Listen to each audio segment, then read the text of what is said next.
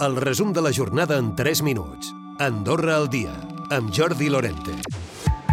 S'avança cap al futur acord d'associació amb la Unió Europea. El màxim responsable polític de la negociació i vicepresident de la Comissió Europea, Maros Sefcovic, ha estat al país trobant-se amb l'executiu, però també amb tots els actors polítics, econòmics i socials d'Andorra. Ha copsat certa preocupació, sobretot a l'hora de tancar reptes pendents, mentre el govern es compromet a reforçar encara més la comunicació amb tots els agents. I segons el Fons Monetari Internacional, Andorra pot tenir aquest any un creixement del PIB nominal per sobre de les previsions. Apuntaven un 8,2, se situaria a final d'any en el 10,9. És una molt bona notícia. Eric Jové, ministre de Finances. De fet, eh, si mirem doncs, el producte interior brut nominal pel 2022, eh, el passen de 8,2% a 10,9%, és a dir, un increment de 2,7% per Andorra, el que és extremadament doncs, eh, significatiu.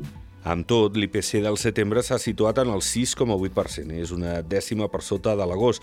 Baixen els preus del sector transport, mentre s'enfilen els de la roba i l'alimentació. L'inflació a Espanya, recordem, està en el 9%, a França en el 5,6%. I mentre els padrins, la Federació de la Gent Gran, veuen imprescindible que l'any que ve s'apliqui un augment de les pensions més baixes.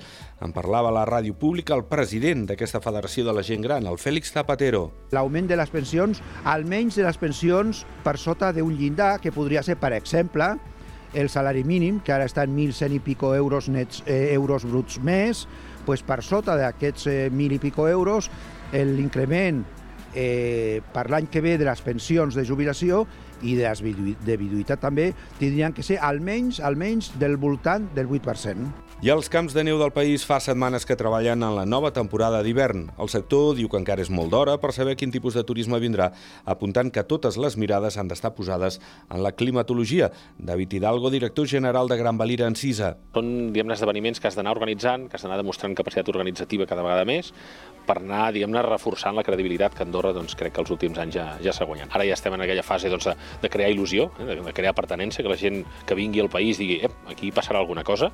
I d'altra banda, el que sí que es té clar és que no es planteja cap camp de neu haver de tancar sectors, pensant, això sí, en altres alternatives, com explica el director general adjunt de Setup 365, Josep Marticella. Dos gins mecànics que fan un servei molt similar, doncs evidentment doncs, només funcionarem amb un.